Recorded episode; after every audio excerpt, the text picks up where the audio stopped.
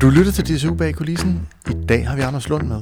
DCU bag kulissen er podcasten, som det handler om alt, hvad der sker bag dørene inde i DCU. Blandt andet, hvordan foregår en enkelt start som landstræner, hvordan arbejder man og forbereder man sig op til OL, hvordan arbejder man med ledelse, hvordan arbejder man med coaching af atleter. Rigtig god lytning. Så øhm, du lytter til DCU bag kulissen. I dag har vi Anders Lund med. Anders er 38 år gammel og er tidligere professionel med 6 år hos blandt andet Team CSC, derefter Leopard Trek, og til sidst øh, Saxo Bank Tinkoff, hvis jeg husker rigtigt. Øh, startede sin tid i Ordrup, eller er helt skæv på Nej, den det er rigtigt. Jeg startede sin tid i Ordrup, og øh, har studeret en smule historie på Københavns Universitet, inden han blev landstræner. Ja. Har jeg, har jeg summeret, det sådan nogenlunde op? Ja, bortset fra, at jeg faktisk havde syv år som professionel. Syv år, undskyld. Ja, og det, det Ja, så det var det, det blev til. Men, Ja. ja. øhm, men, det, men resten er fuldstændig rigtigt. Ja. Og øh, hvad, du, du stoppede en alder af 28? hvis O- jeg- 28, ja. ja. Hvad, hvad var årsagen til, at du sagde, at det var, det var rigeligt for dig?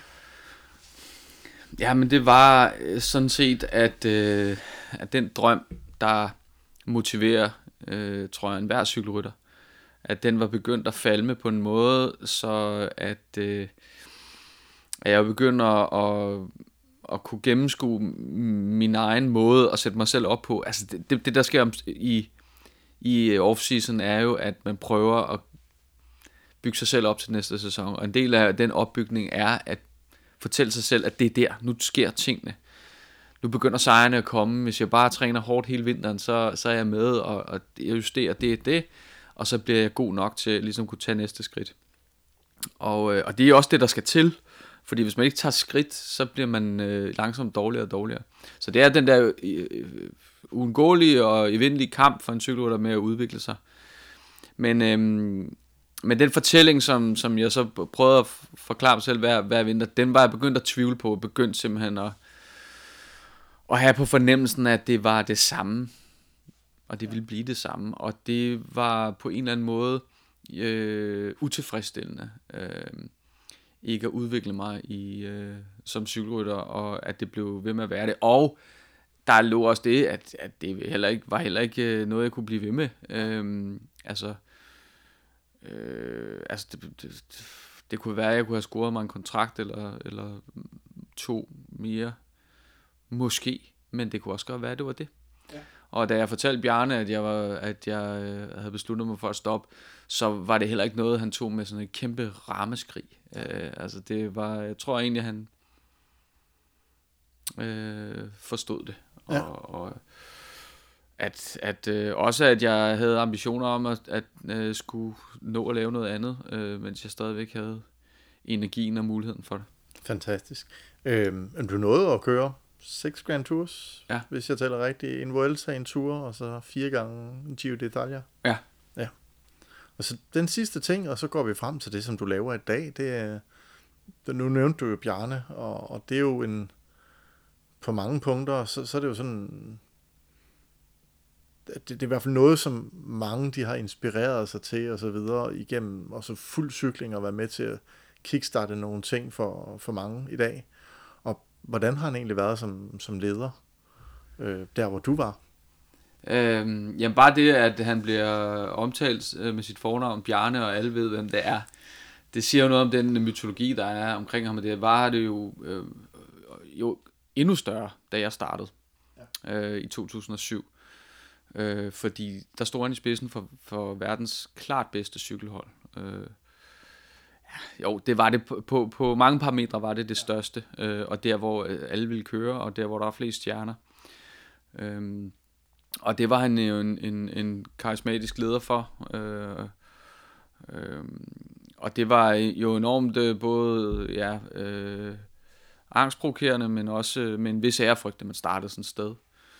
Ja, Bjarne som en af karaktererne, men der var jo mange. Altså, ja. det var, det var øh, Carlos Sastre og de to øh, slægtbrødre, og Jens Fugt og Stuart O'Grady og Bobby Julik. Og, Altså, det, det, det er nogle stærke folk. jo bare, øh, jamen, det, det var virkelig en, en, en komprimeret øh, stjernespækket øh, lineup, som, som øh, jeg kom ind i, og, og øh, som også var enormt sjovt. Og jo øh, en drengedrøm, ja. absolut var det at blive professionel, og, og, øh, og nogle rigtig sjove år, på trods af, at det er et hårdt øh, sted at være, øh, og at man relativt jo hurtigt kan nemme, eller hurtigt kan føle sig dårlig. Ja. Altså, øh, uden at være det, nødvendigvis, i alle mulige andre sammenhænge, men fordi at det er World Tour, og det er verdens bedste cyklutter, så man konkurrerer mod, jeg konkurrerede mod, så, så følte jeg mig jo ind imellem ret udulig. Hvordan, øh, hvordan kom det til udtale, og hvad var grunden til, at du følte dig udulig? Jamen, det er jo bare at køre cykelløb ja. øh, med, med verdens bedste cykler, så finder man jo ud af, at der, at der, der er et stykke op til, øh, til der, hvor sejrene ligger. Øhm, og så heldigvis, så kører man jo cykelløb i, af forskellige kvaliteter i løbet af året, og, og med, med forskellige ja, kvaliteter felter. Ja. Øh, og det er jo nemmere at køre um, første etape i, i, i Dunkirk, end det er at, at køre øh, Paris-Roubaix. Ja. Øh, så der er cykelløb, hvor at, øh, at, at det er nemmere at være med, men, øh, men, men grundlæggende, altså, der er nogle gevaldige øretæver til, øh, til sådan en, en, en, en rytter, som jeg var, ja. øh, når det var Grand Tours, og, øh, og det var de store klassikere. Hvad, hvad var for en, bare, bare for, hvad skal man sige, dem, som der måske ikke husker 10 år tilbage, øh, hvad var du for en type rytter? Jamen, jeg, jeg øh, var en type rytter, som troede, jeg var forskellige former for, for jeg havde forskellige kvaliteter som U23-rytter, ikke? Og det, er jo, og det er jo også det, og det var måske også det, der ramte mig særligt hårdt, det var, at øh, jeg havde haft gode år i junior og gode år i U23. Så det stod ligesom, altså jeg forventede og håbede på, at, øh, at jeg kunne få en, en, en karriere, hvor jeg kunne vinde cykelløb ja. på højeste niveau. Og, og så var det jo selvfølgelig øh, også smertefuldt at finde ud af, at det kunne jeg ikke. Nej. Så det lå der jo også hele tiden, ikke? Øh, øh, og, og efter så syv år, så, så var jeg sikker på, at, at, den ikke, at sejren ikke lige lå om hjørnet. Ja, øh. men, men det er dog stadig imponerende at klare sig så mange år, fordi det er jo, det er jo de færreste for ondt at nå så langt, og selvom at I starter oftest, dengang så starter man 200 et felt, og der, der er kun én vinder. Ja, og det er også derfor, at, øh, at man indtager den rolle, man kan løse. Ja. Og det er, var jo også helt indtydigt, at jeg blev en hjælperytter. Øhm, ja. Og øh, på trods af, at jeg ikke var den største øh, cykelrytter, øh, øh, rent fysisk, så, så øh, på en eller anden måde luskede jeg mig ind i klassikertruppen og kørte mange af de der fladbane øh, klassikerløb. Øh, og øh, altså det, det var egentlig sådan, jeg, jeg kørte, og så kørte jeg nogle af de der Grand Tours. Ja. Øh, fire Giro og en tur og en Vuelta. Og, og det her, altså nu nævnte du det der med, at, at der, der er pludselig, når, når man går fra at være junior, yndlinge, hvis det er andre sportsgrene, urytter, og så, så konkurrerer man mod en-to årgange normalt, tre hvis man mm. sådan, og så går man, og det gælder også i andre sportsgrene, så går man over til pludselig, så er det 10-15 årgange, man rent faktisk konkurrerer imod, og de alle sammen været de bedste. Ja. Det, det er vel også det der spring, hvor det pludselig er der, der er noget metan, man ligesom skal arbejde med. Ja, det er der. Øhm, og, så, og så er det jo i virkeligheden, fordi alle er gode. Ja. men, men så er det jo også meget med, hvem der har øh, ja, både de fysiske ressourcer til ligesom at, og, men også de psykiske øh, og mentale ressourcer til at finde øh, de små forbedringer hele tiden. Ja. Og, øh, og der var jeg nok ikke skarp nok på nogen af delene faktisk. Øh, altså motoren var, min motor var øh, nok bedre egnet til at vinde juniorløb og 23 løb end, end de store World Tour løb. Det er en ting. Men jeg har også set øh, ryttere med, med en motor af min kaliber øh, blive ved at udvikle sig. Ja. Øh, I ren agerighed og altså øh, nysgerrighed ja. øh, som man skal have hele tiden, og, og, og selvfølgelig total kompromilløshed, og der, der tænker jeg stadig altså meget oplagt på en rytter som Michael Mørkøv, som var min årgang. Øh, han blev professionel et par år efter mig, øh, men jo hele tiden udviklede sig, og stadig gør det, og fandt sin niche, og blev ved at udvikle den. Så det har været, øh, det, det har været sjovt at kigge på, øh, hvad den type af talent Ja. i virkeligheden også kan drive det til. Ikke? At det ikke bare er den store, flotte fysiske pakke, man, man skal have fra starten, men, men man kan finde nogle ting, hvis man er nysgerrig nok, og, og ens talent er at øh, ja, virkelig, virkelig arbejde sig selv bedre. Ja. Så, så når vi så spoler frem til dag, du startede som landstræner i, nu skal jeg være sikker, var det 14 eller 15, eller var vi Øh, det var i 16. 16? Ja. Og, og det var som uge 23 til at starte med? Ja. Ja. Men fik, jeg fik faktisk øh, lov til at stå i spidsen for eliteherrene allerede første år Ja. i, i Katar. Hvordan bliver sådan noget sat i stand, og hvordan kan det være, at man pludselig bliver kørt i stilling til at blive landstræner for, for de bedste cykelryttere i Danmark? Jamen, jeg blev heller ikke rigtig kørt i stilling. Jeg blev øh, ringet op af Lars Bunde, Ja. øh, som var den daværende elitechef og, og øh, ansvarlig for herre elitelandsholdet. Øh, som ledte efter en afløser fra øh, den daværende U23-landstræner Morten Bennekov. Ja. Som øh, var blevet en institution i, øh, i DCU og dansk cykelsport generelt med, med, med 13 år øh, på banen, øh, fordelt mellem U19 og U23. Ja. Øh, og så derfor, øh, ja, så, og jeg var i gang med at studere, og så det var sådan lidt en, en, et spørgsmål, om jeg skulle tilbage til, til cykelsporten igen. Øh, og det skulle jeg så. Det skulle du så. Ja. Hvad, hvad for nogle, hvis du husker det her tilbage, hvad for nogle overvejelser gør man, når man bliver ringet og siger, er du er man interesseret i at arbejde med U23? Ja, men jeg var, jeg var meget smiret. Ja. først og fremmest.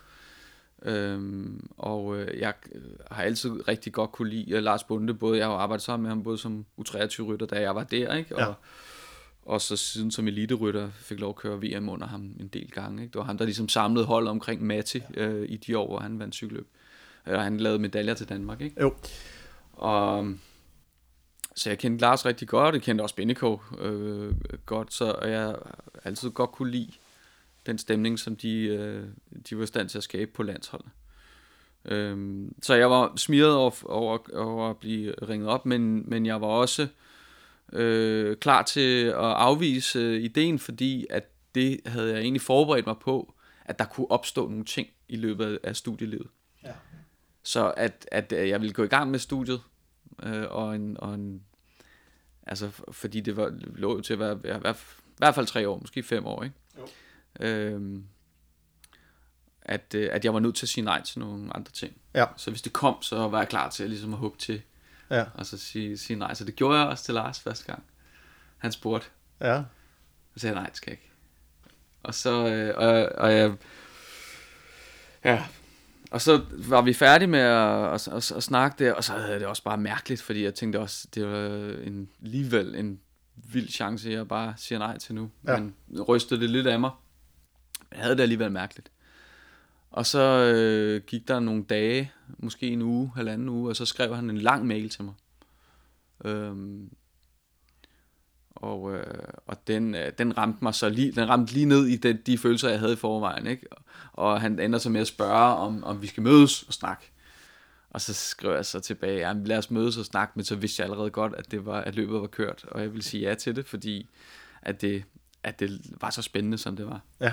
Og jeg savnede et sted at, at være god igen, ikke? Ja. at virke på øverste niveau og, og kunne noget, fordi det er jo også det, som jeg havde fundet ud af i min, i min studietid, at, øh, øh, ja, at, øh, at det med at have øvet sig i noget i meget, meget lang tid, øh, det, det, det gør jo, at, øh, at det er sjovt på, på et dybere plan, ikke? og jeg savnede det der med at, at, at kunne mine ting. Ja, ja det, det er jo især... Øh, nu har jeg studeret lidt forskelligt, og Ja. ja. halvstuderet røver, øh, og det, bliver jo jappet lidt igennem på et studie. Hvis man virkelig gerne vil ned i det, så skal man bruge rigtig meget tid ved siden af, hvis man Mm. virkelig vil. Og der har du jo brugt et helt liv på at cykle og have aspekt omkring det jo. Ja, og jeg troede egentlig, jeg kunne overføre det der med, i stedet, i stedet for at køre 6 timer i regnvejr, så, øh, så sidde på læsesalen, ikke? med samme sådan øh, dedikation og, og, og, og fornemmelse af nødvendighed.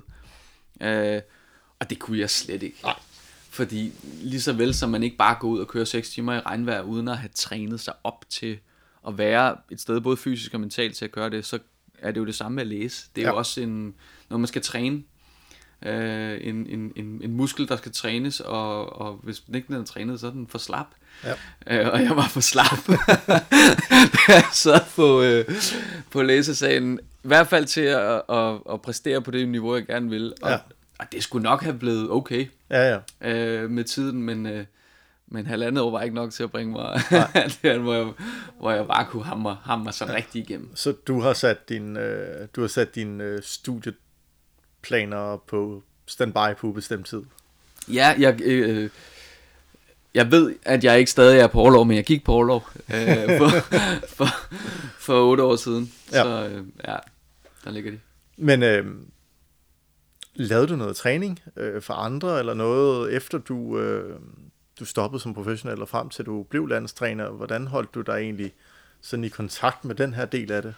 Siden Jamen, at man, man ligesom, hvad skal man sige, kommer i betragtning til det, fordi de har jo haft nogle tanker om, at, at du, du er en interessant person ligesom at tage ind i det her arbejde jo. Øh, og det er jo selvfølgelig, hvad du har vist før, men, men, men der må have ligget noget.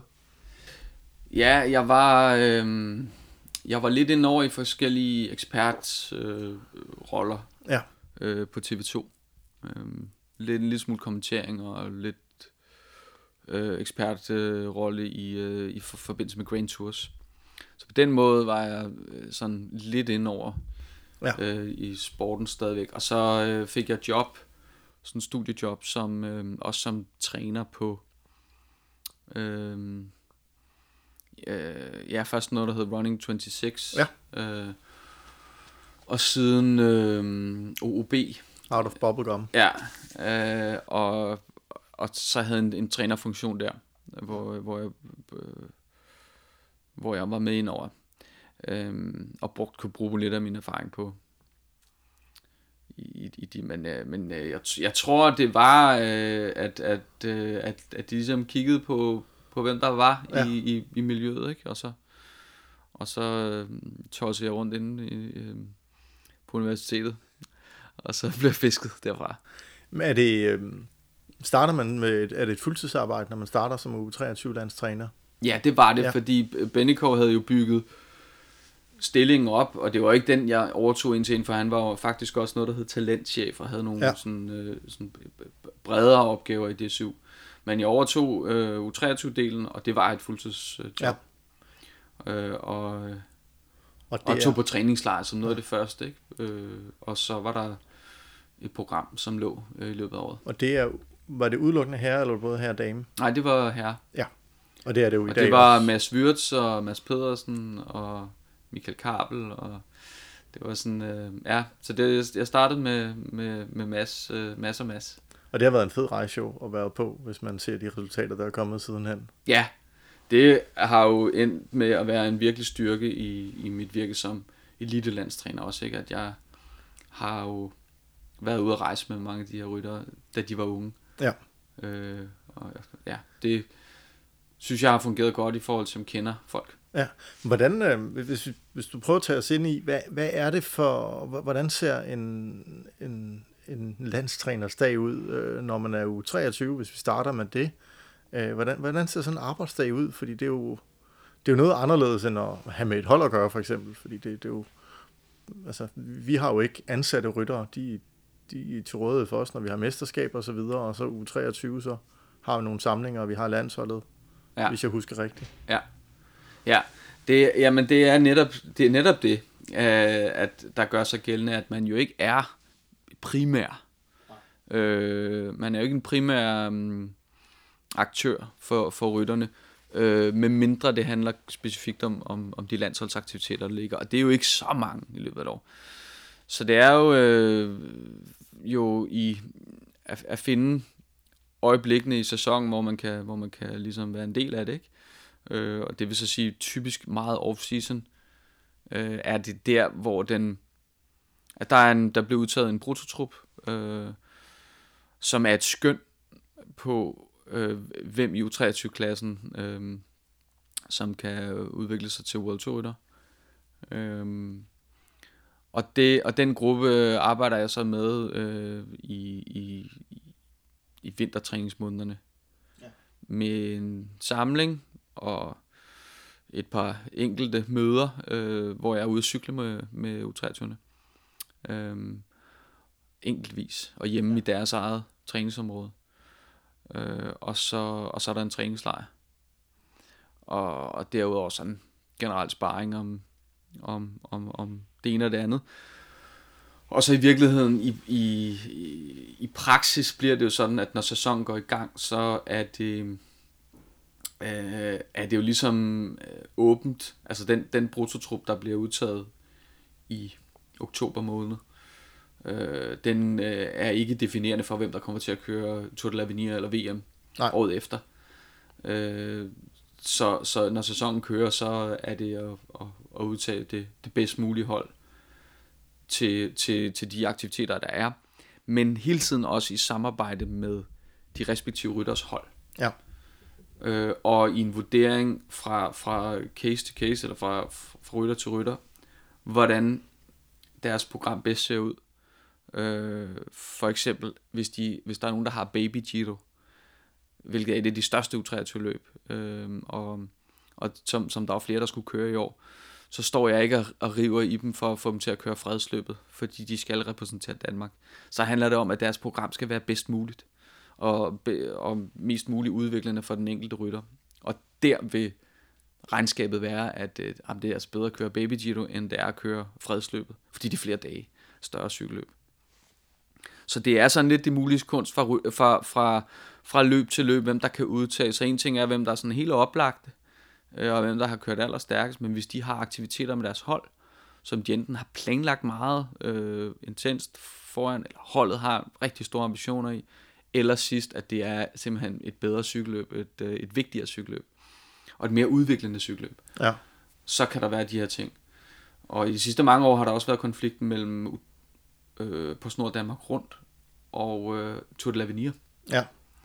Øh, og der er det sådan lidt nogle andre forhold, fordi på Snor Danmark rundt er jo kategoriseret højere, det, det er mere eksponeret cykelløb, men for U23-rytterne er Tour de l'Avenir rigtig vigtigt øh, i forhold til at, at, at, at gøre sig interessante for World Tour hold, men også fordi det er et, et, et langt cykelløb øh, på, øh, på ni etaper, øh, som i, al, i alle terrænger.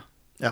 Som på den måde øh, udfordrer rytterne, og, og øh, der er mange, der oplever som at det, det er det cykelløb på et helt år, der gør dem allermest færdig. Og ja. derude, efter, efter, efter flere dage og mange hårde etapper, at komme derud, det er, det er en vigtig læring også. Jo, og man kan jo se, mange af dem, der har gjort det godt til Avenir, er jo også nogen, man ser på, på de store hold senere hen jo. Og der er en kæmpe bevågenhed omkring det løb. Det ja. skal ikke tages noget fra på Snor Danmark rundt, for det er den største sportsbegivenhed, vi har herhjemme, og det er ja. et stort løb. Øh, og mit indtryk er, at det faktisk er noget, som, som mange ryttere synes er, er et fedt løb at, køre. Ja, ulykken er, at det, er, det ligger sammen, fordi det bedste vil jo være klart for, for, de, ja. for U23'erne at køre begge dele.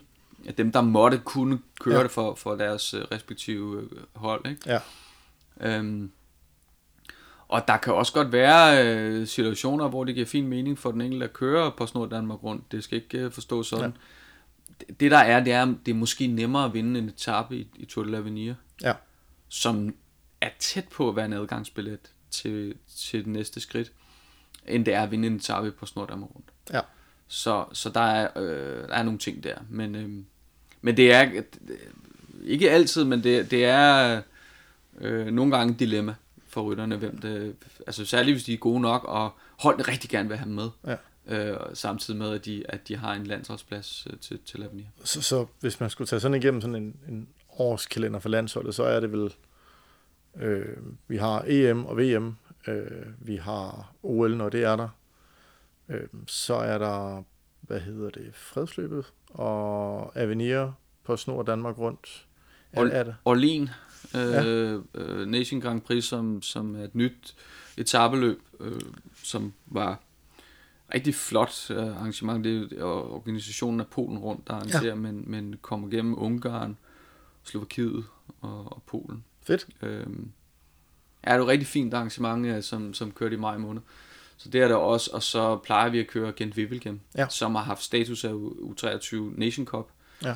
øh, indtil, for, indtil øh, 2023. Og, og derfor giver det os mulighed for at stille med et landshold, eller... Ja, men, men fra 2023 var det så en anden, altså stod det som normal U23 øh, cykelløb, ja. Og, og på den måde ikke, øh, at, at arr- arrangøren ikke er nødt til at invitere alle de øh, øh, landshold, men vi fik lov at stille op, og den søger vi igen i år. Ja. Fordi det er også et godt udstillingsvindue. Øh, og, altså det, det er effektivt og i forhold til at gøre sig interessant for World Tour holdene, som, og det er også det, der er med U23 landsholdet. Det er en måde, øh, hvorpå rytterne også kan, kan lave nogle resultater, der gør dem, øh, øh, der gør, at, de, at, at uh, World Tour holdene får, får interesse for dem, eller pro country hold, men altså, at de kan tage næste skridt. Ja. Øh, og, øh, og det er en stor forskel i forhold til U19-arbejdet, faktisk. Så du har en del mere altså på, hvad skal man sige, uholdene i forhold til her elite, det det, vi kalder seniorne. Mm. Der har man en del mere kontakt med dem i forhold til løb, i forhold til, øh, hvad man har med, med her elite, eller hvad? Ja, altså det er en anden øh, kalender, flere, flere touchpoints, øh, Ja. øh, en træningslejr, øh, hvor at med her elite er det jo øh, relativt begrænset, hvad vi har. Vi prøver at skabe nogle flere ting, Ja. øh, som der er også er et arbejde, der er i gang. Vi har for eksempel en samling her øh, den 8. november, som en ny ting, hvor man samler øh, elite landshold. Og, og sådan for, ja, for at skabe noget sammenhold og en, en at der er en at landsholdet har en en, øh, en mere præsent rolle for den enkelte rytter, at det ikke bare er et opkald, der måske, måske ikke kommer en måned inden VM. Øh, og øh, ja, at det er noget, man forholder sig til og glæder sig til og har, har, har landsholdet med i tankerne. Ja. Så hvad, hvad, hvad betyder det for en rytter, hvis man spørger, og sådan, og det, det, er jo, det er jo individuelt, det ved jeg godt, men, men sådan helt generelt i forhold til det med at blive udtaget til et landshold, for der følger jo ikke en, som, som der gør i fodbold blandt andet, så følger der jo ikke en stor fed check med, man gør det jo på sit glade ansigt til en, til en vis grad jo, og så den ære, der nu er engang at repræsentere sit land. Ja. Øh, hvad er det for en motivation, der ligger bag, øh, udover selvfølgelig muligheden for måske for en Mads P. for eksempel, at få et sæt regnbuestriber, som er en... Jamen for, altså det er, øh, ja, ja det, det, der er i hvert fald nogle ting, der er det samme på 23 og her Elite, men, men der er også, der er også forskel. Øh, starter med her Elite, så, så vil jeg sige, at, at øh, værdien af en udtalelse, eller det ærefulde i at blive udtaget, det er steget markant de sidste 5-6 år. Ja. Øhm, fordi at øh, det danske landshold øh, er så godt som det er, eller de, den, det, den, den danske cykelscene er så stærk som den er, øh, og, øh, og der er opmærksomhed om, om det danske landshold, og rytter for rytter kan man se, at niveauet bare er steget i forhold til, hvad der skal til for at ramme de, de otte pladser, som nu er blevet helt normalt, at vi har, fordi vi indtil for få år siden var det jo, var det jo issue, hvor mange der skulle med, ikke? Øh, så, så, så bare det, at, at vi altid forventer, at der er otte danskere til start, det, det er en, det er, det er en ny, øh, ny situation, og, og så også, at det at, at så ramme 8. plads, Ja. øh, altså kræver et tårnhøjt niveau. Så hvis man skal have otte pladser til VM eller EM, hvad for en plads på nationsranglisten skal man så ligge på? Jamen, der skal man, øh, der skal man ligge i top 10. Ja. Øh, og, øh, og det øh, er jo, der har Danmark jo været de sidste, øh, de sidste år, men, men det er ikke mange år siden, hvor at, øh, at der skulle ikke, det skulle ikke gå meget galt for, for på pointstatistikken, for at Danmark kun fik tre med. Ja. Øh, øh, og øh, ja, så, så, øh, så det er øh, det store danske landshold med, med otte pladser. Ja. Øh, det, øh, ja, det er, det er ikke, det, det har ikke været selvskrevet. Nej. Og, og hvad, i aktuelt ligger vi nummer to, Lige nu ligger vi nummer to. og det er jo imponerende. Ja, øh, og øh, det krævede, øh, det var særligt, det var særligt godt over at ramme det på, fordi det, det, det var faktisk noget, der udløste øh, fire pladser til OL. Ja. Øh, og at gå i top 5 på den liste. Øh, men jo meget sigende for det danske samlede niveau, at, øh, at, øh, at, at man ligger nummer to på den liste. Det har Danmark aldrig gjort før. Nej, og det er jo sindssygt flot. Det er Ja. Belgien, der ligger foran. Ja, og jeg synes også, det der er bemærkelsesværdigt, er, at, at selvfølgelig der er topscorer, ikke? Øh, øh, Vingegaard og, og, Mads, og, og, men, men, men det er en bred palet af, af rytter, der har scoret øh, både sejrene og, og pointene. Ja. Hvordan, øh, bare lige tager sådan en lavpraktisk ting, hvor- hvordan bliver sådan noget regnet ud? Er det simpelthen x antal placeringer, og så får man nogle point efter det, og så er der lidt ekstra i forhold til kategoriseringen af løb, og, og om Ja. det er et etabeløb? Det er rytternes øh, øh, individuelle point, som, øh, som så bliver kogt ned til de... Åh, og nu bliver jeg lige usikker på, om det er 6 eller 8, men jeg tror, det er 6 øh, bedst scorende øh, rytter, Ja. øhm, der, så, der så udgør listen. Det vil sige, at øh, hvis du har 50 World Tour rytter, så er det ikke den samlede, altså på, for en nation, Nej, så er det ikke alle, der kan, være, der kan, der kan score point. Det er, det er, en, en, det er toppen af, den, øh, af, de, af de point øh, scorende atleter, der, der udgør den liste. Ja. Så hvis, hvis vi så går tilbage til, til den gerning, der er at, at være landstræner. Nu har jeg jo set et par gange, når man går forbi ind på kontoret, så sidder du op med Training Peaks og et ret kompliceret Excel-ark og følger med i. Så, så er der sådan en stor del i monitoreringen af, hvad, hvad laver de enkelte, og, fordi de har jo en individuel træner, oftest via deres team, eller, eller selvansat af en eller anden art, og, og hvad er din rolle i alt det der, udover selvfølgelig at monitorere, hvordan går det i forhold til de planer, som man har som landstræner og, og hold? Ja, men det er en... Øh, øh, en det er en, en i virkeligheden en, en statistik, som, Ja. vi, som vi fører og har ført helt tilbage fra jeg selv øh, kørt, altså så, så tilbage fra 2003 er der blevet lavet registreringer af, hvad danske U23-rytter har trænet i forhold til mængde og timer. Øhm, og ud fra, fra de første øh, øh, indsamlede data, øh, der, der lavede øh, Morten Bennekov nogle træningsanbefalinger, som vi stadigvæk faktisk forholder os til i dag, fordi de viser sig egentlig, uden at vi prøver hårdt at tilrette rytternes træning efter de mængder, så viser de sig faktisk øh, på tværs og med andre trænere, sådan at, at det er en meget god målstok plus minus 10% for hvad der skal til for at præstere. Øhm, og det jeg så gør, det er, at jeg indsamler for, for rytterne i, i, Bototruppen og fører statistik på det, og, og i, ligesom har, altså bruger det som udgangspunkt for en, for en dialog om, om træning, og snakker rytterne med rytterne øh, og påpeger, hvis de ligger øh, markant uden for, for det, vi plejer at se. Øh, og så har vi en snak om det. Ikke? Ja. Ja. Og, og, og, og mere en sparring, men det er helt entydigt. For det første, jeg ikke er deres træner. Øh, de har deres egne træner. Og for det andet kan man ikke øh, gennem meget, meget flot øh, training peaks øh, køre sig til landsholdet. Nej, I sidste ende er det jo resultater og Ja. præstationer på, på vejen. Men øh, i et langt stykke hen ad vejen er jeg også, også sat i verden for at gøre rytterne bedre, så, så den, den, den akkumulerede de, viden, der ligger i at kunne se, hvad Mads P. trænede som anden års 23. Øh, altså ikke, ikke bare et nedslag som det, men også, øh, også sådan statistisk over, over tid, hvad det er, der skal til. Det giver mig en vægt, når jeg snakker med en anden års 23, der mener, at øh, han skal træne lige så meget som en World Tour rytter. Og, og hvis vedkommende kører virkelig stærkt af den opskrift, så er der jo mindre grundlag for at tage diskussion, men hvis vedkommende kører dårligt og er enormt træt hele tiden, så er det jo øh, oplagt for mig at pege på, at det kunne være, at man skulle træne lidt mindre. Ja. Øh, og også for, at, øh, at udviklingen sker i, i, den, i, i det rigtige tempo, og at, at, de, at, at de forskellige udviklingssteps ligesom passer sammen.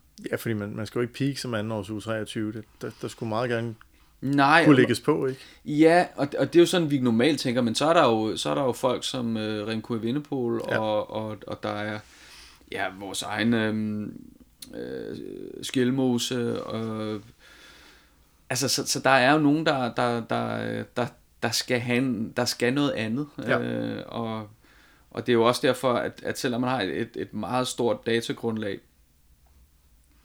på en, på en, på en norm, øh, så skal man jo passe på, ikke, at man ikke bliver for, øh, for, øh, for optaget af, hvad, hvad de fleste gør. Ja. Fordi så kan man være dårlig til at rådgive øh, århundredes talentet, der lige pludselig står der. Ikke? Øh, så, så der skal være en fleksibilitet i det der, og det er også derfor, at det ikke skal være en, øh, en, en doktrin, eller det skal, ikke, det skal ikke være en dogme, der kommer fra udstedt af førerbunkeren i, i, i Brøndby, hvad man skal absolut træne. Det skal være udgangspunkt for en, en dialog, øh, og hvis der er noget, der ikke fungerer for den enkelte rytter, så kan man kigge det igennem, og man kan sige, der kunne være grobund for noget, eller øh, hvad hedder sådan noget, ja, øh, behov for en eller anden form for justering af træning. Så, så hvordan i dit daglige virke, hvordan arbejder du med, med rytterne? Fordi det er, jo, det er jo den fysiologiske del, er der jo så mange andre, der tager sig af, men, men jeg har en forståelse af, at der faktisk er rigtig mange mentale aspekter, som du ligesom også er inde over og arbejder med rytterne den vej rundt. Øh, ja, altså det er en, en, en stor del af det, men, øh, øh, men det er sådan lidt uden opskrift, det er sådan lidt mere intuitivt, fordi det, det i virkeligheden handler om, det er at kunne snakke til rytteren på en måde, så rytteren forstår og bliver motiveret og skubber i den rigtige retning. Og det differentierer sig. Ja. Øhm, jeg kan huske en af mine, et af de første cykelløb, øh, eller nej, det første cykelløb, jeg stod for med U23-landsholdet. Det var Ken Vivelgem, som Mads Pedersen så vandt som U23. Men der aften inden, der holdt jeg bare en kæmpe brandtal, hvor jeg fortalte dem, at, øh, at nu var det alvor, og jeg forventede, at de kom først ind på det der, det der, det der sted, og når var i sydevind, der, vi vidste, der skulle være sydevind, ikke? Så jeg prøvede virkelig at sætte dem op, og få dem til at, altså hvis man ikke er klar, og hvis man ikke er klar til at altså, satse liv og lemmer, så, så, så, øhm, så kan man ikke vinde. Ja. Så det var en præmis, ikke? Og, og, så jeg gav den bare hele armen. Og der var nogen, der sad og, og, og virkelig responderede godt. For eksempel Mikkel Bjerg. Øh, Uh, han er i hvert fald, jeg, uh, han var faktisk ikke med. uh, lige det, men, men, men sådan, han er, han er typen, som virkelig lapper det i sig, ikke? og kan bruge det. Men så er der nogen, som, som simpelthen uh, bliver for nervøse, eller føler sig fremmedgjort over for det sprog, eller, uh, eller slet ikke skal sættes op på den måde. Der er nogen, der skal i virkeligheden bare have en hånd på skulderen og sige, det skal nok gå i morgen. Og så er det perfekt i forhold til den måde, de skal sættes op på. Fordi de har så meget stress i kroppen alligevel, ikke? Så hvis der står en idiot og råber af dem, at nu skal de bare i krig, ikke? Og, og du... Øh, ah! og så, så, så kan de slet ikke øh, øh køre. Så det, det er virkelig det, jeg tror, det, det, det vigtigste, jeg har lært, det er, at kommunikationen differentierer sig meget. Og, øh, og hvis der er nogen, der skal, hvis der skal holdes en brandtale, så skal man i hvert fald være meget sikker på, at, at, øh, at, at holdet som helhed er klar til den, ellers skal man gøre det enkeltvis. Ja. Det er jo, øh, så, så de her, hvad skal man sige, samtaler, du har med rytterne fra tid til anden i løbet af en sæson, det, det, det er meget om, hvordan det går, og hvordan deres udvikling er, og, og den vej rundt, eller hvordan foregår det? Ja, altså i virkeligheden er det jo og lidt også kæmpe mod den, øh, altså det er sådan helt sådan ufravigelige faktum, at jeg er en landstræner og skal udtage dem. Ja. Øh, men altså komme øh, til at være alligevel, selvom det ligesom er et udgangspunkt, og, og gøre det svært at få et tillidsfuldt forhold. Fordi hvem har lyst til at fortælle en landstræner, at det går af helvede til, at man ikke har motivation til at træne?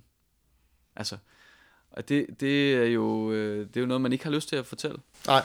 Øh, men nogle gange kan det være den samtale, der skal til, for at man kan hjælpes. Og for at jeg kan hjælpe vedkommende. Så jeg bilder mig jo ikke ind, at den, at den er der fra, fra, fra start, men, men øh, gerne over tid, og fra første års øh, til tredje, fjerde års, at den tillid kommer, så man til sidst kan snakke om nogle af de ting, som er rigtig svære, øh, og, og, så, øh, og så hjælpe derfra. Ja. For det, hvordan, hvordan foregår det her setup, når I er afsted? Fordi hvis vi snakker med vores kollega Mads, som er mountainbike træner, så leger de sig ind ved et hus eller en lejlighed og laver mad fælles og sådan nogle ting, hvor det er noget anderledes her på, på, på, på landevejen. Øh, hvordan er det her sat op, når vi er ude til et mesterskab af en art? Jamen det er faktisk øh, stort set altid hotel. Øh, to, hotel, tomandsværelser, og så øh, ja, som oftest daglige fællesmøder på et af værelserne. Briefinger og taktikmøder og, og den slags. Øh, eller når vi er på træningslejr, så er det også på, på Thomas værelse, er vi for mange til at være på et værelse, så er vi et mødelokal.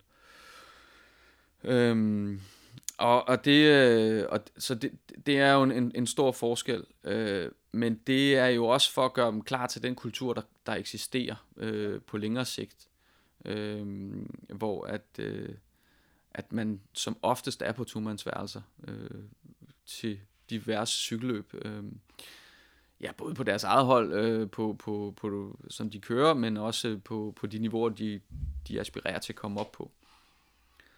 Øh, jeg kan rigtig godt lide den anden idé med, øh, med, med at være sammen i, en, øh, i, i, i et stort hus, og det kunne egentlig også godt fungere. Det er faktisk også noget, øh, som... Øh, det er en form, som vi kommer til at gøre under OL næste år i Paris. Øh, der har vi lejet et, øh, et stort Airbnb-hus og har kok med. Så faktisk samme øh, system, som, som mountainbike gør det, men det er fordi, det er et mindre, mindre hold. Ja. Og det er også logistiske årsager i forhold til, til at komme til og fra start og træne. Ja. At det ikke giver mening at bo inde i OL-byen. Øhm, og så er det en mulighed, fordi det er sådan en lille intim enhed. Ja, ja fordi der er jo fire plus en ekstra på banen, hvis er det sådan, det er. Øh, det, det, vil være, det vil være fire rytter. Ja. Det vil være fire her elite, øh, hvor to af dem er også kører start. Ja. Har, har man, nu spørger man sådan helt åben, har man en reserve med, hvis der er noget, der går galt op til, eller er det bare shit, hvis det er, det, der er noget, der sker der? Vi har ikke en reserve med på hånd. Nej. Øh, så skal der være en, der, der, der bliver kaldt, kaldt ind ja. i sidste øjeblik. Det sker sjældent. Ja, men det, det der er jo, at det er, der er ikke nogen, der med, med nogen rimelig ret øh, kunne have lyst til at tage med i sådan et hus og være med og træne med, øh, uden at skulle køre. Altså, ja. det er jo top professionelle cykelrytter, der har et kæmpe program ved siden af. Ja. Øh, øh, så det, det, det, vil være, det vil være urimeligt. Ja. Øh, så, så enten er man med, eller også er man formentlig ikke med. så nu, nu har vi, vi OL næste år ja. øh, i Paris, og det er der, der, er, der meget, det, det var ruten, der også dikterer, hvad er det for nogle rytter, du ligesom udtager til det, som der passer bedst til, til de vinderchancer, man nu engang har. Hvordan, hvordan deler du de her ting op for at sige, hvordan får vi det bedste hold til, til et OL for eksempel? Jamen altså, det er jo et, et vilkår for mig, at jeg jo ikke har den store indflydelse på, hvad rytterne Altså i forhold til deres forberedelsessæson, og hvad de gør, og hvordan de kommer ind i tingene, og træning og alt det der. Så jeg er jo observerende i, ja. fra starten næste år. Som sagt har vi en samling nu her øh, den, den 8. november, og der vil OL jo være et af temaerne, øh, og, og i forhold til udtagelsesprocedurer. Øh, men, det, men det, det bliver, øh, det er, at der bliver udtaget en prototrup på et tidspunkt, sådan, så der er nogen, der relativt tidligt ved, at de er i en eller anden form for betragtning. Og så kort den ned. Øh, øh, og, øh, og, og have så en, en skarp udtalelsesstatus på tingene. For at gøre det så transparent som muligt, men der er også for at få nogle øh, datoer i spil, som rytterne kan formidle videre til deres hold. Der er jo kæmpe logistiske systemer og maskiner bag, øh, bag hver rytter på, på det her hold, og få deres grej og det hele frem og tilbage er ikke nemt, særligt når det ligger, som det gør lige efter Tour de France. Ja. Så derfor så, så øh, jo mere rytterne ved, jo tydeligere, øh, jo bedre er det også for deres ro og forberedelse generelt. Omvendt, så er det jo også et, et, et vilkår for mig, eller hvad hedder det, det er jo, en, det er jo, øh, det er jo super ærgerligt, hvis man er så skråsikker på, hvem der skal køre et halvt år i forvejen, at man misser vanvidstalentet, der kommer i stor form og er klar til at gøre den helt store forskel. Så det er derfor, at øh, det er jo kompromis mellem at give rytterne ro ved at udtage tidligt, men samtidig øh, have pladsen til øh, den, der skal med, og ja. som kommer i form i sidste øjeblik. Hvordan, øh, skal man sige, hvad, er din rolle, når du er ude på, altså til, til samlinger og til løb osv.? Hvad, hvad, hvordan foregår din dag, når du er ude og, og, og ja, køre et VM for eksempel, og dagene op til? Jamen, der handler alt om forberedelse. Øh, øh, og nu har jeg jo en dobbeltfunktion, fordi jeg også står på 23. Det vil sige, at, øh, at når der ikke er løb og konkurrence, så er det, er det øh, forskellige former for rekognoscering øh, af ruten. Øh, og, og det er faktisk ret travlt, øh, de der, øh, de der VM'er, fordi... Øh, øh, ja, det, det tager meget tid at forberede sig, faktisk særligt til enkeltstarterne, øh, hvor at rytterne skal speakes i mikrofonen i radioen. Ja. Øh, og hvor, altså sådan som den øh, disciplin har udviklet sig, så betyder det mere og mere, at aftalerne øh, mellem den, der øh, kommunikerer til rytteren undervejs, og, øh, og den, der kører, altså at aftalerne er så skarpe. Så det er en, en proces, der tager godt tre dage, øh, hvor at, det, at, at der kommer nogle, nogle noter, der bliver skarpere og skarpere og skarpere, og der står et note til hvert sving, øh, og der står et note til nærmest hver kilometer. Øh, så, og, og det skal, så det samarbejde skal, skal spille, og det er et sted, hvor at, øh, at jeg altid prioriterer at virkelig at, at gå dybt ind i det, fordi at at det er, ja, det, det er et sted, hvor jeg næsten er med i cykelløbet. Hvordan, lad os prøve, prøve at tage det der engang, for det, det er jo, du, du sidder i bilen bag ved den pågældende rytter til sådan en enkelt start der. I har simpelthen gennemgået sving for sving, hvordan skal den eventuelt køres, eller hvor, hvor meget kan man memorere som, som rytter? Ja, det er simpelthen, at, at, at netop det der med, hvor, altså, hvor meget måske, og, at de skal være helt sikre. Ja.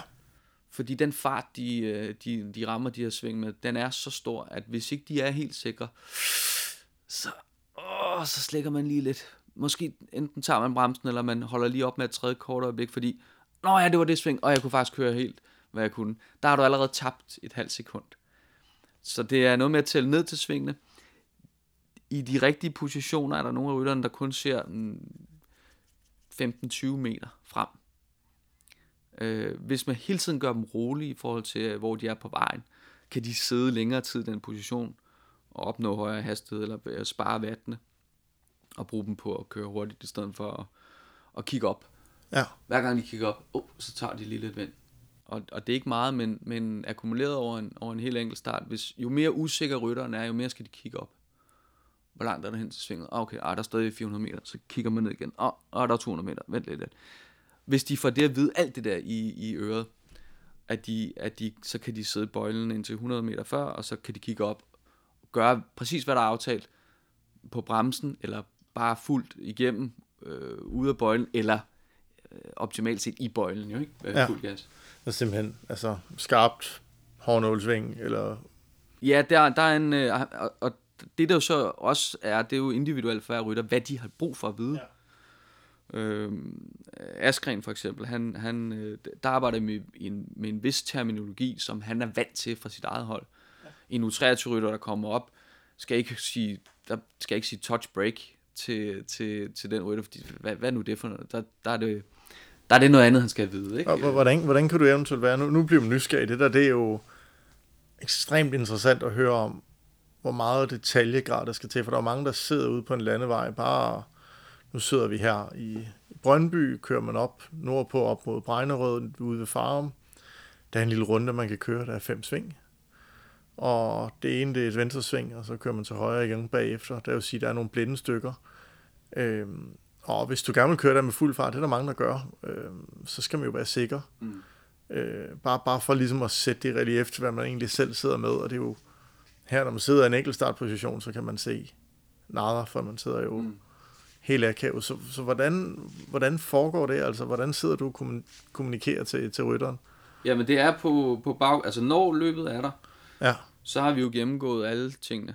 Øh, både på, øh, altså med, på Street View, ikke? Øh, gennem øh, VeloViewer, øh, og, øh, altså, og gennemgået noterne. Ja. Og, og visualiseret det. Ikke? Ja. Hvert sving, så gennemgår vi det. Ja, der skal det, der skal det. Og så er der nogle ting, som rytteren stresser. Her skal jeg virkelig have at vide, ja. at også i forhold til pacing, øh, her må det godt gøre så ondt, fordi jeg får en puster her. Ja. Og det er så det, og en puster kommer jo enten, hvis der er øh, et, et sving, hvor man ikke kan træde, men det kan også være øh, en lille øh, bakke, det kan også, det, det, nedad, og selvom der ikke er sving, så kan det være, at farten bliver så høj. At sige, de kører, kommer op omkring 70 km timen. Øh, så giver det ikke mening at, at lægge 100 watt ekstra i for at køre 71. Nej. Eller 70,5, eller hvad det koster ved denne hastighed. Så er det bedre at puste, og så kunne bruge farten på en, på en bak, der kommer lidt senere. Eller bruge, bruge de watt, som man, som man så sparer. Øh, så det er den afvejning, der er. ikke. Og det er ikke kun mig, der laver den pacing-strategi. Det er jo også noget, rytterne laver med deres trænere, ja. som også har forskellige computer-simuleringsprogrammer til at, og med de watt, de kommer ind i på syregrænsen, hvad kan de estimeret set holde, og på hvilket stræk skal de gøre sådan. Ja. Så det bliver en udgangspunkt for, for den samtale, jeg har så har med rytterne. For når du sidder der, altså er det sådan, hvad skal man sige, sådan næsten helt ned i enkeltårskommandoer, du, øh, du kører med, fordi at pulsen den banker løs, og man er super fokuseret. Så hvor meget bliver der egentlig sagt, når det så sidder derude i, i bøjlen? Jamen det er aftalt. Ja. Og det er forskelligt fra rytter til rytter. Øh, for eksempel, hvis det er, der, er, er det jo ja, faktisk ens, ens for alle, at det, det skal bygges progressivt op. Ja. Fordi at øh, man har ikke brug for at blive råbt af øh, efter en kilometer. Fordi der har man brug for nogle andre ting. Der har man brug for at komme ind i rytmen. Man har brug for at trække vejret. Faktisk tit og ofte styre vattene nedad, så man ikke på ren adrenalin øh, hakker den af. Ikke? Øh, og jeg kan huske, da jeg selv kørte enkeltstarter, så havde jeg jo, var jeg jo tit meget optimistisk de første to kilometer. Ja. Og tænkte, at det jeg troede, jeg kunne køre, det var meget. Altså, jeg, jeg, jeg rammer dagen i dag, jeg kører, jeg kører meget hurtigere. og så efter 4 km fandt jeg ud af, at det kunne jeg faktisk ikke. Nej. Øh, så det, og det, men det er jo igen fra rytter til rytter. Der er også nogen, der skal have kniven fra starten fordi at deres motor er sådan indrettet, at nej, om ikke kniven fra start, men der er, der er nogen, der, der har sværere ved at eksplodere. Ja. Så de virkelig skal presses. Uh, men alle de der ting, det er noget, man aftaler. Hvor meget, hvor let, hvor lang er den? Uh, og så bliver de ting justeret efter. Men der er simpelthen en meget, meget klar gameplan på, hvordan rytterne skal spikkes, og hvad de skal vide, hvornår, og, øh, og, og, og, og målet er at gøre dem så sikre som muligt. Ja, og det eneste parameter, du har inde i bilen, det er, det er tiden, som de kører på mellemtiderne? Eller, eller har du mulighed for rent faktisk at se deres output på nogen ja, måde? det kunne jeg nok godt, hvis, øh, hvis, jeg, hvis jeg kigger op i det, men det er ikke... Øh, det er ikke noget, jeg rigtig vil kunne justere alligevel øh, efter. Øh, fordi rytterne har, hvad de har på dagen. Øh, og, øh, og hvis aftalerne er, er gode nok, så ved de også, hvad de gerne skulle kunne. Ikke? Øh, om det er noget, der, der bliver det næste, øh, det ved jeg ikke, men, øh, og det kunne være meget interessant at se, men... men øh, Skal jeg ikke gøre det for mekanisk? Nej, det er i hvert fald, der er, der er virkelig også stor chance for så at, at komme til at sige nogle ting, som, som øh, rytterne ikke har brug for at høre. Ja. Øh, fordi hvis de ikke kan træde de vat som aftalt, så kan man ikke bare bede dem om at gøre det. Så det er jo en, en, en sådan en, øh, en motiverende speak, der ja. gradvist bliver bygget op, Øh, og, og til sidst så, så, så, er det, så er det fuld gas. Ikke? Ja. ja. Og altså, hvordan differentierer det sig fra at gå over i landevejsløbet, hvor altså der har man jo igen, altså tit så man er ude og rekognosere ruten eller rundstrækningen og så videre. Men, men, men de talking points og den kommunikation, der ligger der, hvordan differentierer den sig fra, fra enkeltstartsdelen? Det vigtigste er, så er der ikke radio. Nå, det er rigtigt jo. Undskyld. Øh, det, er jo, øh, det er der jo kun i, øh, i World Tour løbende og så videre. Ja, på Snor Danmark Rundt er, er et af de eneste landsholdsarrangementer, hvor vi har radio med, og det har jeg ikke kørt. Det har Berling kørt ja. øh, de sidste mange år, så, så jeg har ikke haft radio. Øh, men øh, desto vigtigere er det jo så, at der er nogle gode aftaler.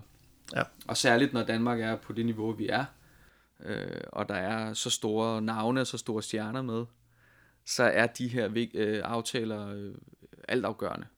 At der er en eller anden form for konsensus om, hvad det er, der skal ske, og der ikke er nogen små issues, og hvad, hvem var det, hvor meget, hvor lidt skal vi arbejde for ham her. Alle de der ting skal gerne være sådan ret afklaret inden. Ikke? Øhm.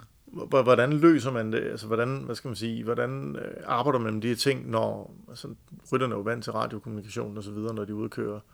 De andre løb, de er ude at køre, men, men hvordan løser man det egentlig i forhold til øh, på dagen, og så briefe, øh, altså har I nogen stationeret ude på, på ruten, eller er, vi har, det... vi har mulighed for at, at kommunikere med en tavle, men det er ikke noget, vi har sådan har gjort rigtig meget, og jeg synes også tit, at den kommunikation, man så sporadisk øh, kan få ud til Fitone, eller hvor de står, kan være forsinket og ændre sig sekundet efter, og ja. underskud af information i bilen er generelt et kæmpe problem.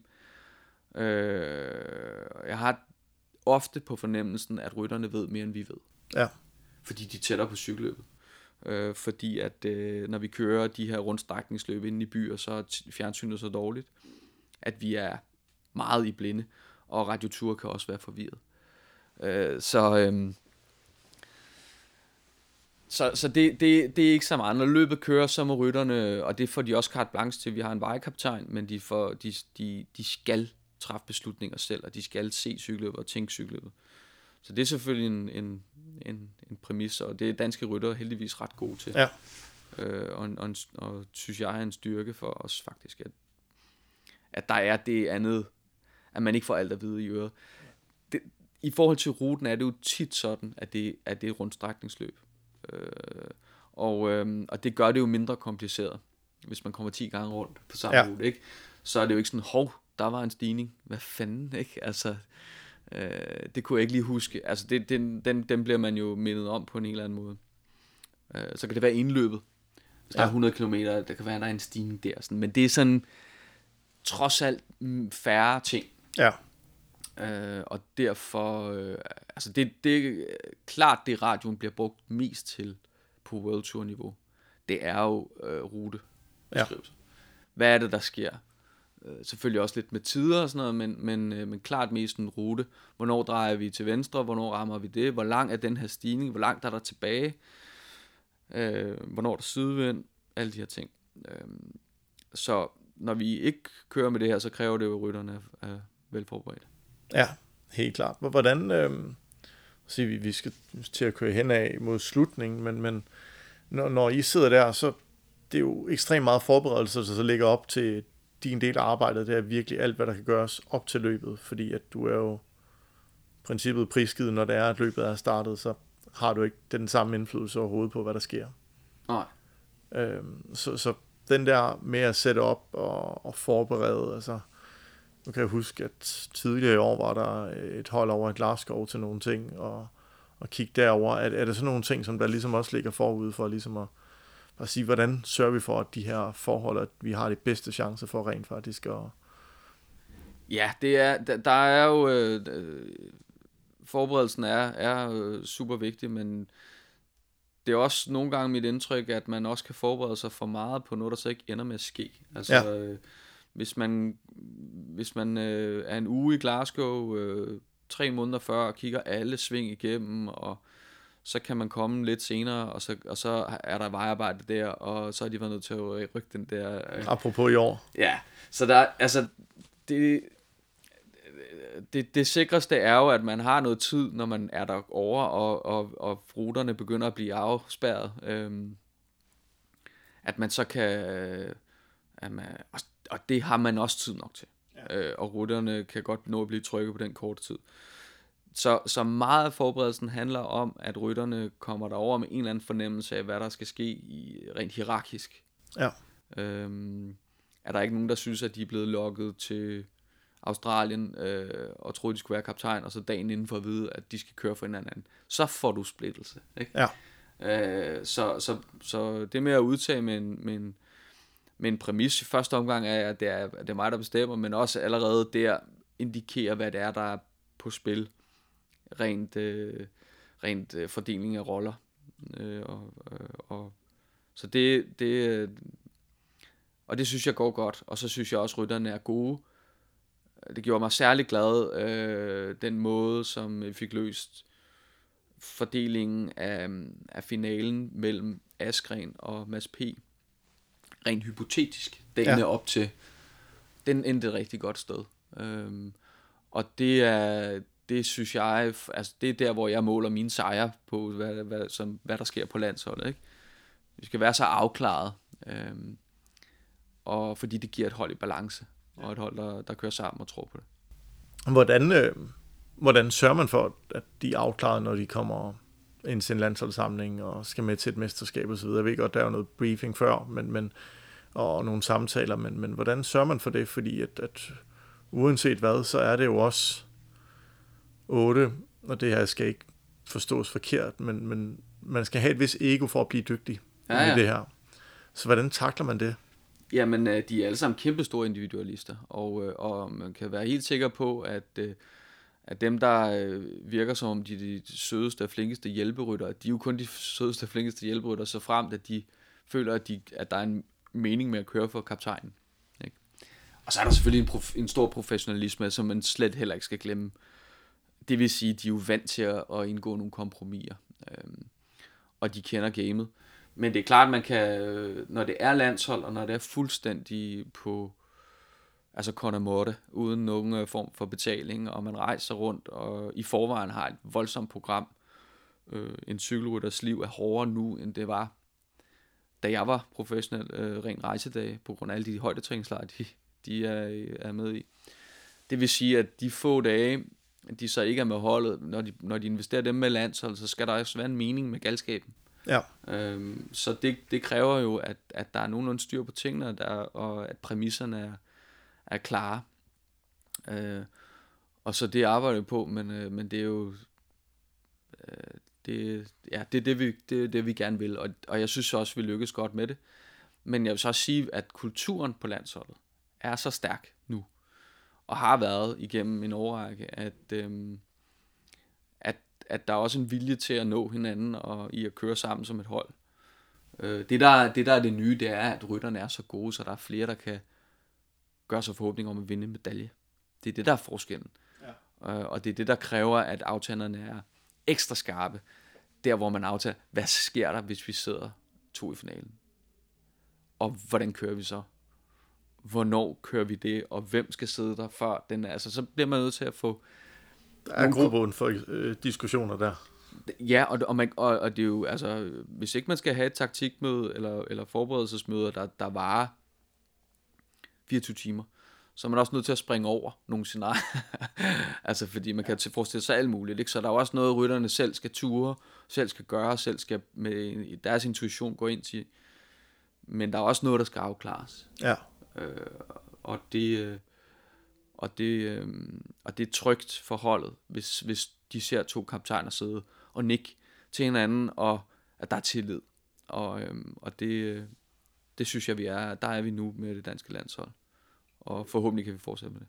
Ja, så når vi skal til OL næste år, så er der også en, en klar plan for, hvem det er, der bliver kørt for, når det er, vi, vi rammer dagen. Og så kan ja, det, selvfølgelig være, det, der bliver kastet noget op. Ellers har jeg i hvert fald øh, øh, gjort et meget dårligt stykke arbejde. Øhm, hvad motiverer dig i din dagligdag som, som landstræner? Hvad er det, der, der ligesom får dig til at sige, det her det er det fedeste job at stå op til hver dag og ligesom klø på med og blive ved med at udvikle dig? Fordi det er også, om man ved det eller ej, så har du faktisk været i job lang tid i forhold til den statistiske gennemsnit for en mand på din alder. Ja. Jamen altså, jeg tror, at... Øh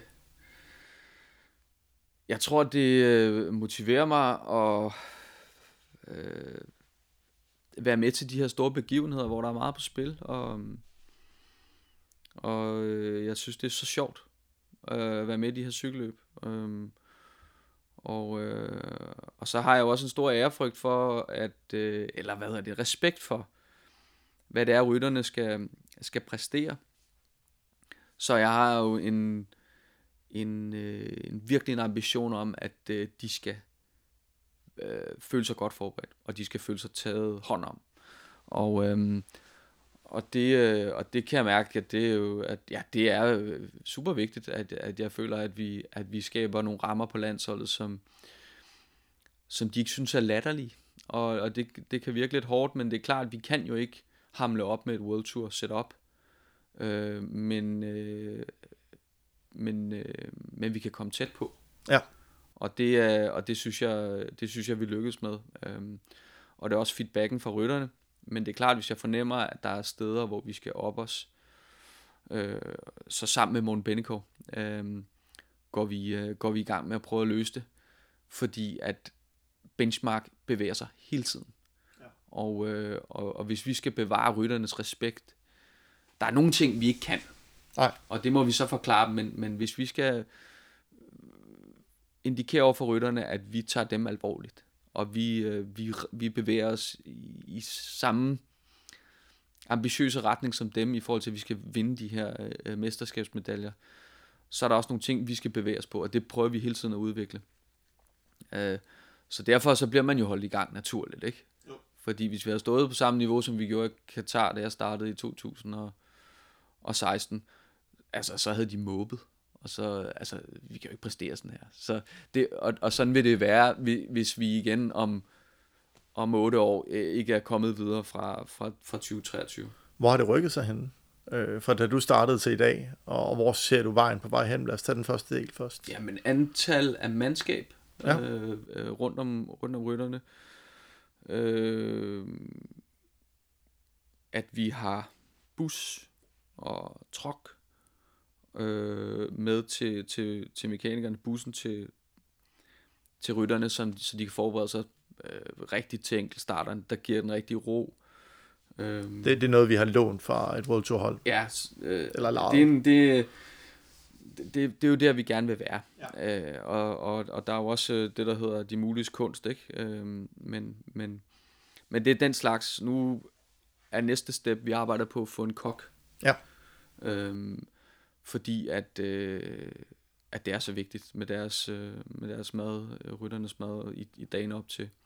Og, øh, og, og det er også noget, de er vant til fra deres, øh, fra deres World Tour hold. Så, så derfor er det svært at hamle op med for en, for en, for en hotelbuffet. Det, er, ja, det må man bare sige. Jeg, jeg husker noget med, at det var ikke det bedste mad, I fik i Skotland. Nej, øh, det er i hvert fald ikke det bedste sammenlignet med den standard, de er vant til. Ja og den standard, vi gerne vil servere for rytterne. Så, og den slags problemer kommer man jo ud over, hvis man har sit eget setup med på den front. Øhm, og øh, ja, så arbejder vi jo faktisk også på hele tiden at, at, øh, at, at udnytte øh, vores ekspertise i DSU i forhold til aerodynamik, og få den udbredt øh, til, til vores bedste enkeltstartsrytter. Så den know-how, vi har over fra banelandsholdet. Ja. ja. Øh, og det synes jeg er noget, der fungerer rigtig godt. Øh, og det er noget, som rytterne øh, sætter pris på og, og respekterer. Også for landsholdet til at, øh, at være andet og mere end... Øh, en, ja, end at, end at give nogle træningsdragter øh, op, til, op til et mesterskab og sige, nu er der presmøde, nu er der det der. Altså, at der, der, der er noget, rytterne får med hjem, som de kan bruge videre i deres sæson. Det, øh, det og, og, som vi er gode til. Ja. Øhm, så det, det skal vi jo prøve at finde, fordi at der er jo ingen tvivl om, at, og sådan vil det være hvilket som helst forbund, man er et skridt efter World Touren, fordi World Touren er benchmark, og det er dem, der driver udviklingen men der, hvor vi kan være gode, det er for eksempel sådan et sted som, som øh, på vores aerodynamiske test setup, øh, og den know-how, der ligger der, der er vi faktisk på højde med de bedste. Øh, og, og det er også derfor fedt at invitere vores, øh, vores rytter med ind i det rum. Ja. Er der noget, vi mangler her til sidst? Vi har været lidt rundt omkring. Ellers så tager vi jo bare en ny omgang på tid. Tusind tak, fordi du var med, Anders. Velkommen. Du har lyttet til DCU bag kulissen. Tusind tak, fordi du lyttede med. Næste gang, der kommer podcast, så er det fysiologi på to hjul, hvor vi taler om ernæring. Tusind tak.